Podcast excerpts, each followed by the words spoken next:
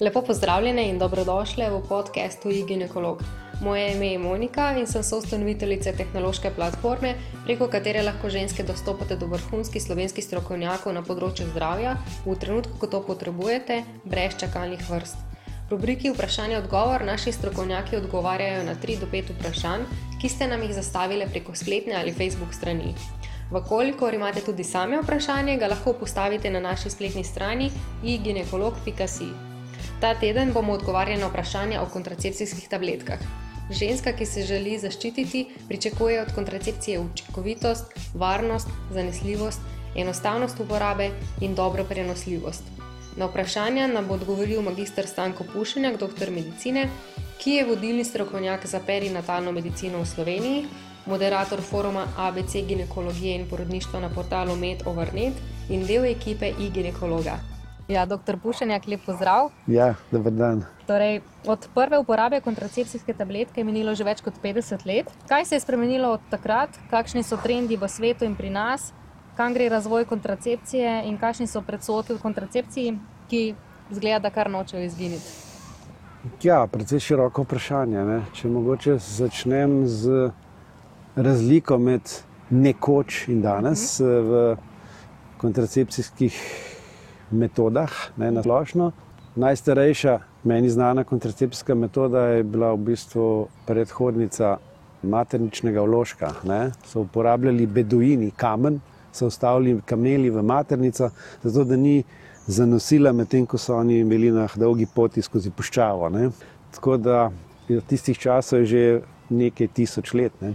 Prva tabletka je bila iz 60 let, In te ta prve tabletke so imele ekstremno visoke odmerke hormonov, spolnih hormonov, progesterona in, in estrogenov. In uh, z leti so se ti odmerki, na dnevni, ta dnevni odmerek, stalno zmanjševali.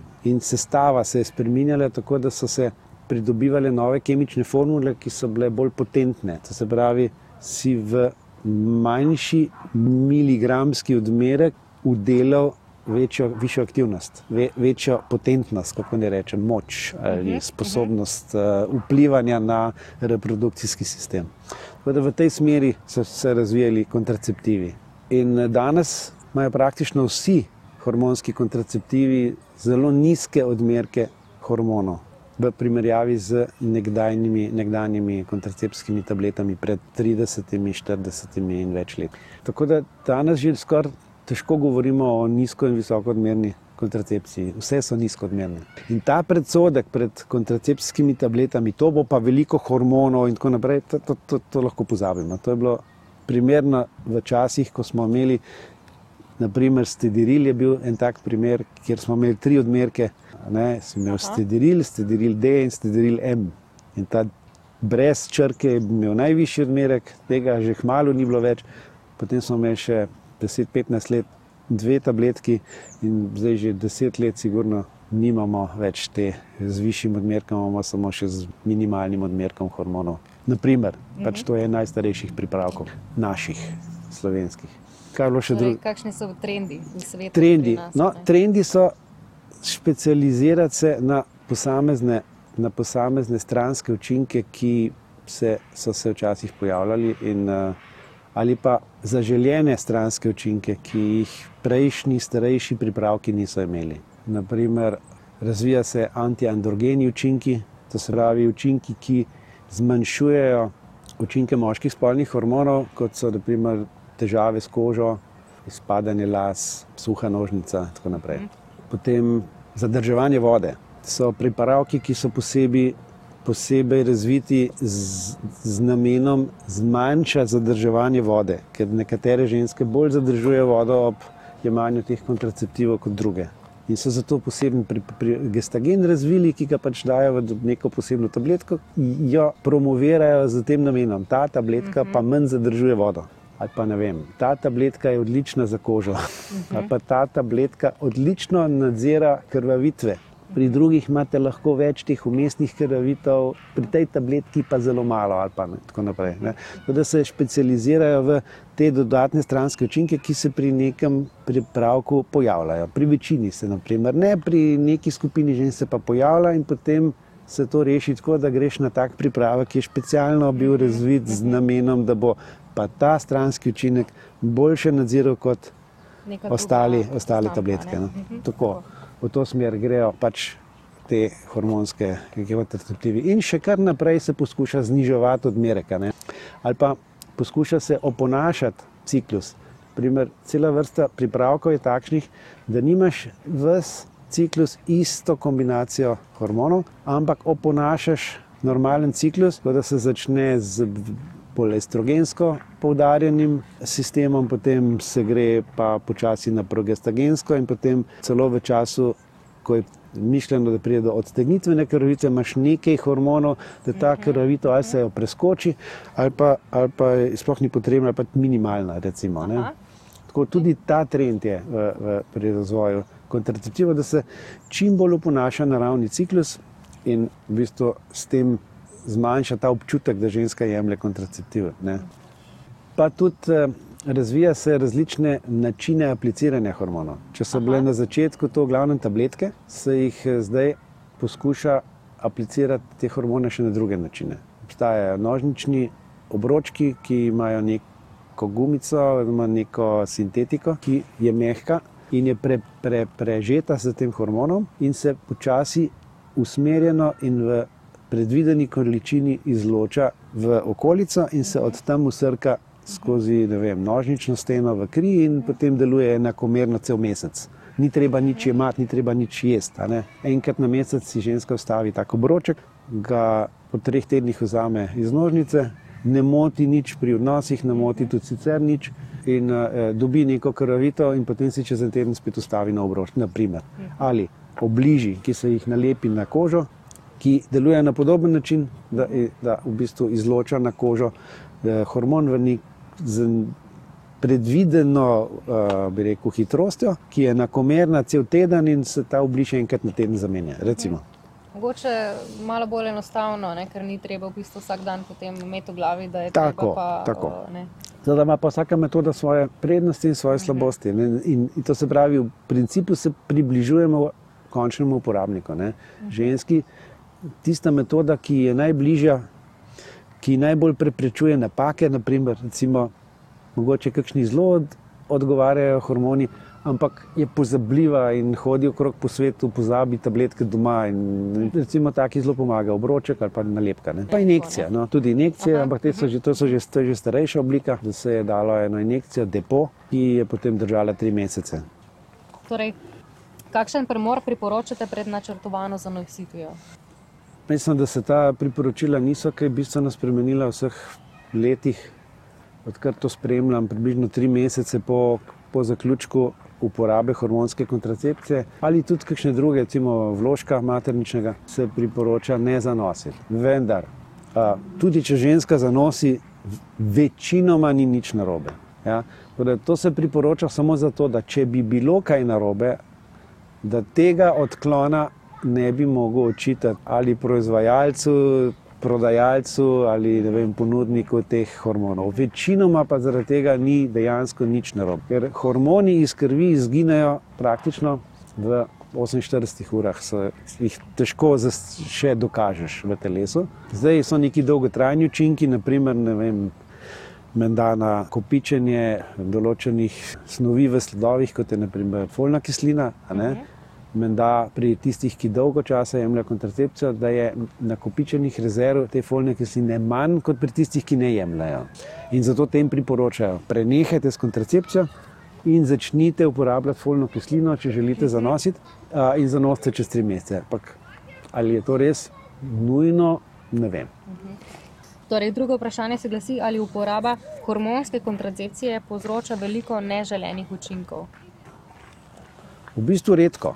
Večinoma v prvih mesecih uporabe, v prvih treh, štirih mesecih so najbolj izraziti in tista uporabnica, ki ustraja vsaj štiri mesece pri nekem kontraceptivu, opazi, da se večina teh pogostih stranskih učinkov uh, po 3-4 mesecih izgubi ali pa pade na raven, bi rekel, neke znosnosti. Ve, večinoma so to kakšen glavobol, kdaj, mogoče se nekoliko dvigne krvni tlak, mogoče kakšna slabost, podobna kot v nosečnosti, ne, uh, samo manj izrazita, kakšne suhe sluznice, ne vem, opazi.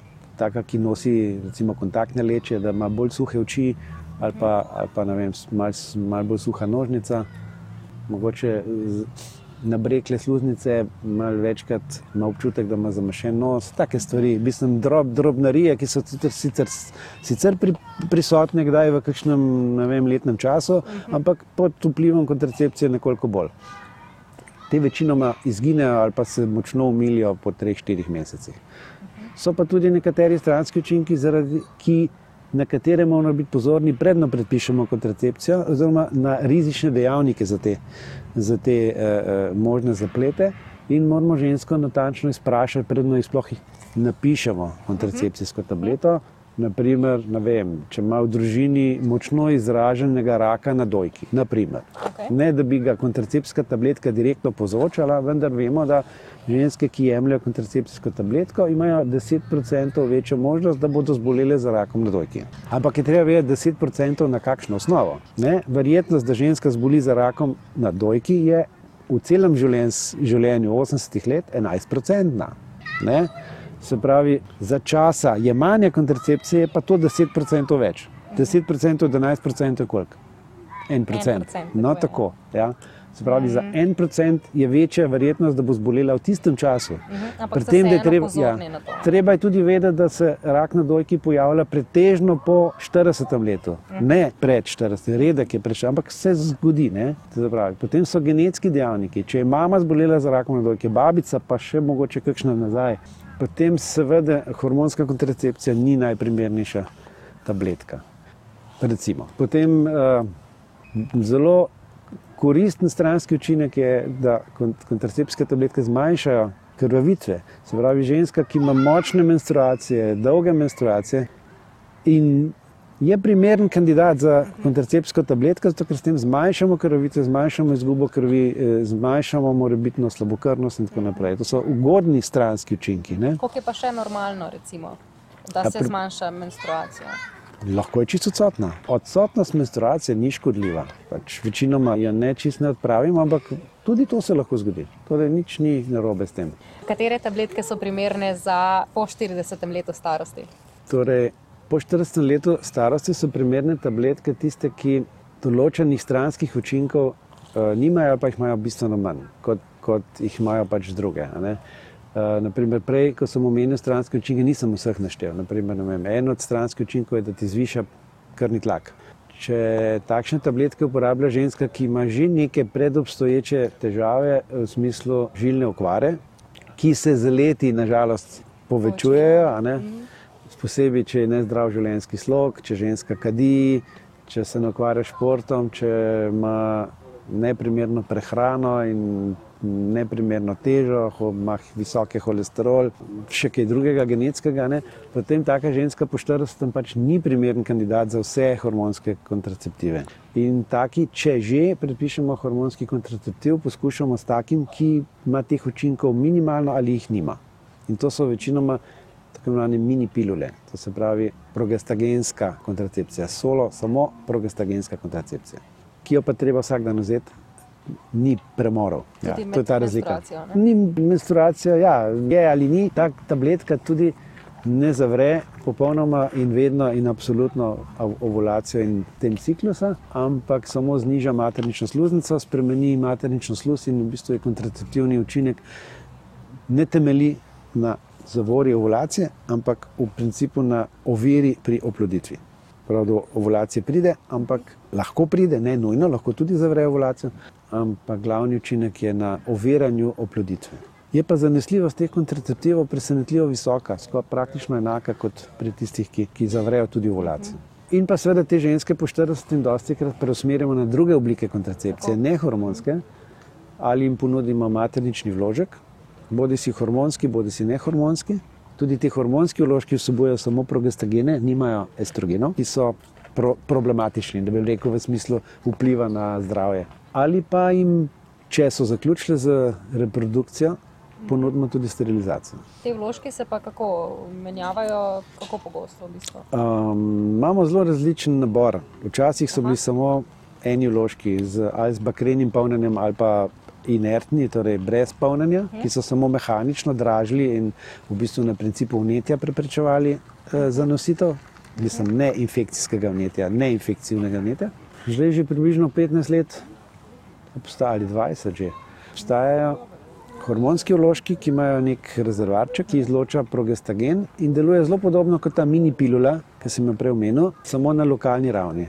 Izloča se vsak dan nekaj deset mikrogramov tega progestagena, ki v bistvu znižuje maternično sluznico, spremeni sluz in deluje na istem principu kot ta tabletka. Samo večinoma na lokalni ravni, se pravi, zelo malo tega hormona pride v sistem in kroži po krvi, in če že povzroča kakšne stranske učinke, jih ta še manj. Večinoma so te in ti vložki so zdaj različni, različne velikosti, z različno kapaciteto. Če so imeli pred leti samo en vložek, ki je držal približno pet let in teoretično do maksimalno sedem. Imamo zdaj še en manjši vložek, ali pa nekaj manjših, ki držijo tri leta, in tako naprej. Tako da te manjši so seveda primerni, med drugim tudi za ženske, ki še niso rodile. Potem pa ponudimo ženskam tudi oblike kontracep hormonske kontracepcije, ki se absorbirajo drugače kot, kot uh, skozi jedra. Hormonska kontracepcija v obliki tabletk se poje in ti hormoni gredo iz črvesa najprej skozi jedra, tako imenovani prvi prehod skozi jedra. In tam v jedrih lahko povzročijo določene težave, probleme, spremembe v presnovi.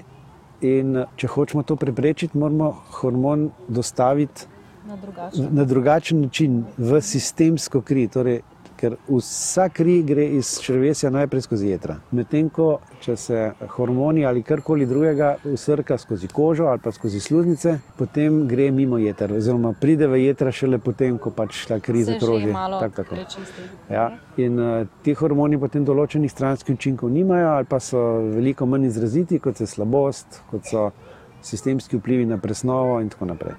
Torej, tudi to obliko hormon, hormonske neke aplikacije potem ponujamo. Bodi se to nožnični vložek, z, ki, ki ima absorbiran hormon, ali je to obliž, ali pa injekcija, depo injekcije. No, tako nekako. Evo, pa smo prišli do konca. Jaz se vam eh, iskreno zahvaljujem za vaš čas, eh, ja. za pripravljenost. Hvala tudi vam. Vam, dragim poslušalkam, pa najlepša hvala za vašo pozornost. Ponovno vas vabim k poslušanju naslednji teden, ko bomo odgovarjali na vprašanja na temo krvavitve med nosečnostjo. Do takrat pa ne pozabite obiskati naše spletne strani giginekolog.si, kjer lahko brezplačno vprašanje postavite tudi same ali pa se naročite na spletni posvet. Živijo!